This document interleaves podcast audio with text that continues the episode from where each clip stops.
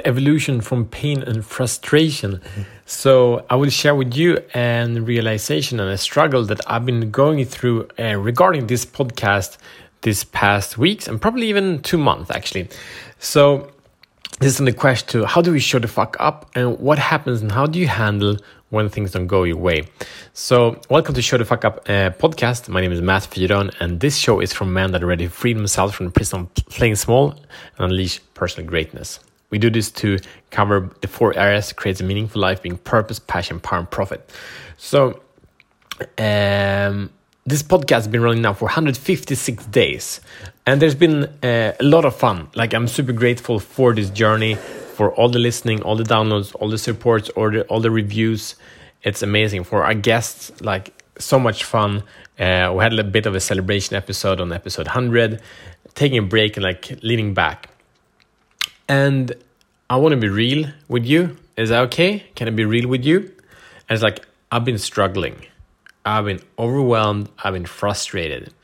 So I do this podcast every day so to make sure like i'm not playing the victim i'm just sharing what's been going on so i do this podcast every day quite often i, produce it same day uh, because it makes me feel alive uh, but also because something that's kind of i didn't don't want to put in the time to to to to put it in in the sequence. I know that's better but i haven't owned up to that uh, many weeks.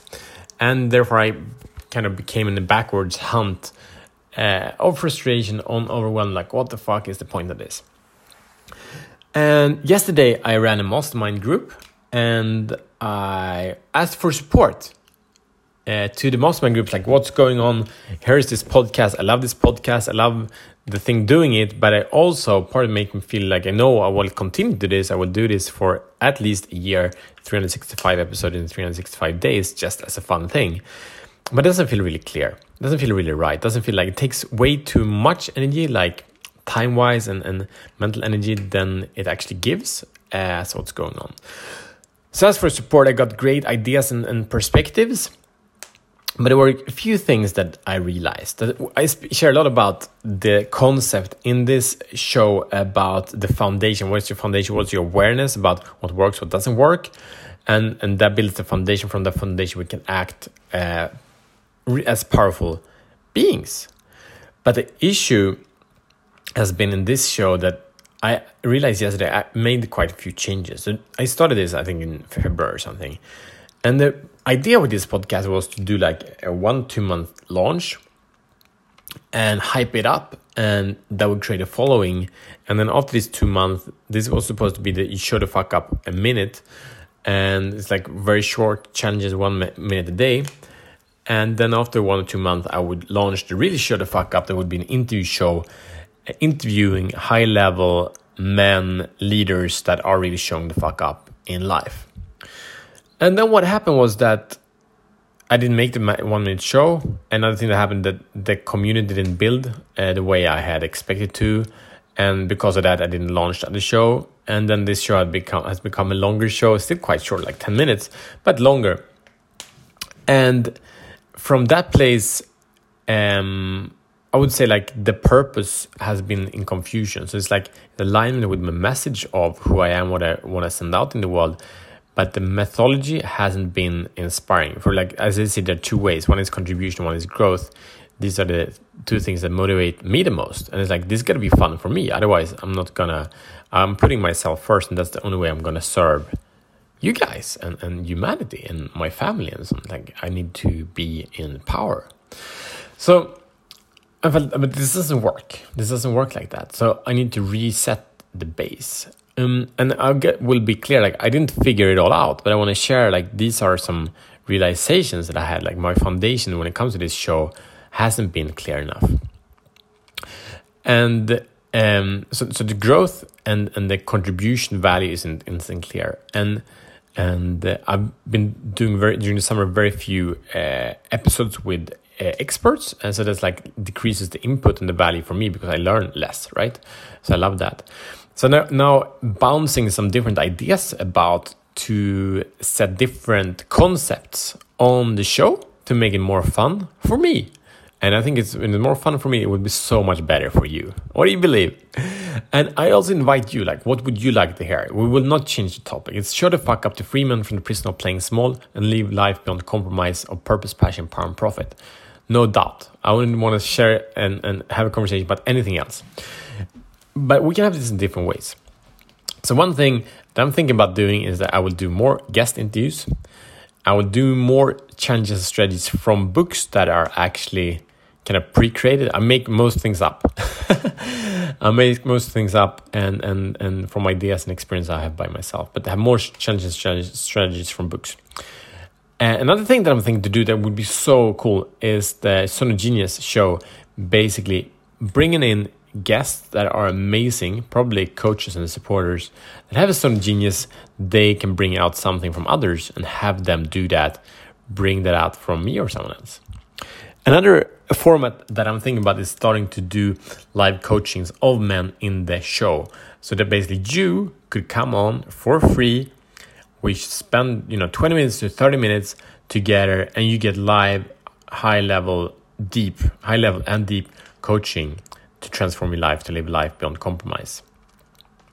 Another format that I came up with was to have co hosts. So basically, I would invite some amazing friends of me that are not necessarily more experts in the topic, but we would have our, you know, years of disciplined focus or, or like dedication in life in general. So we have learned a lot, probably just as you have, and share our perspectives. It would be more like a talk chat show. Um, and the point that would be make more uh, vulnerable and more dynamic.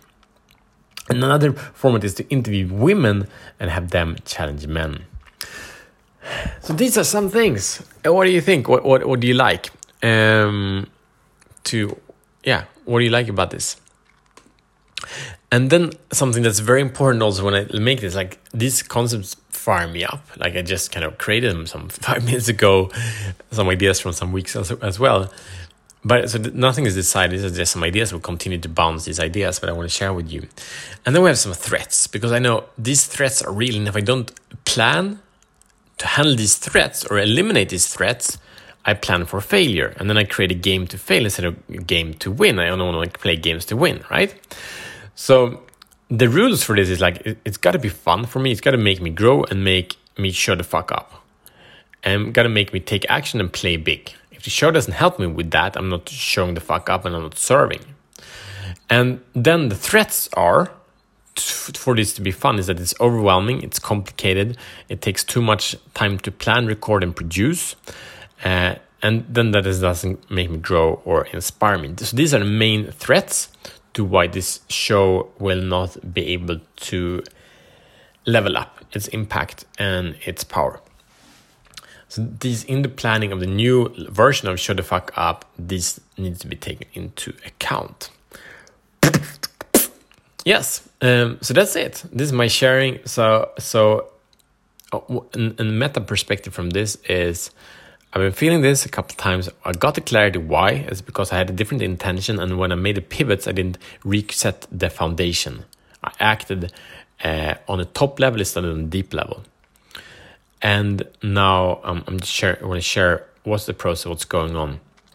But the, the key is really like, um, if I would not have checked in on this, I would have been burnt out from this show and I would have quit. I would have given up.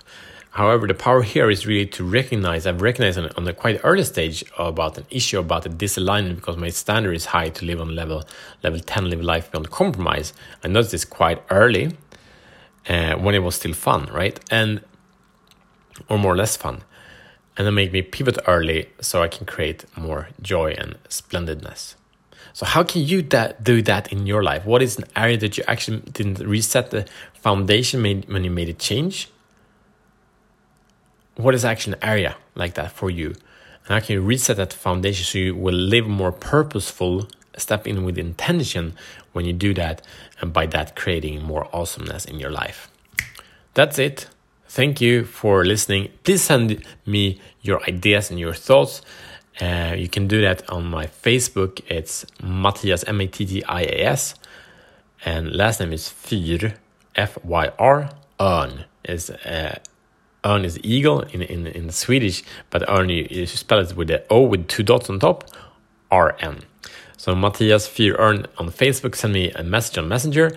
I'm looking forward to get your feedback how we can make this the most inspiring uh, show that you tune into every day you share with all your friends because this is where you always become the best version of you.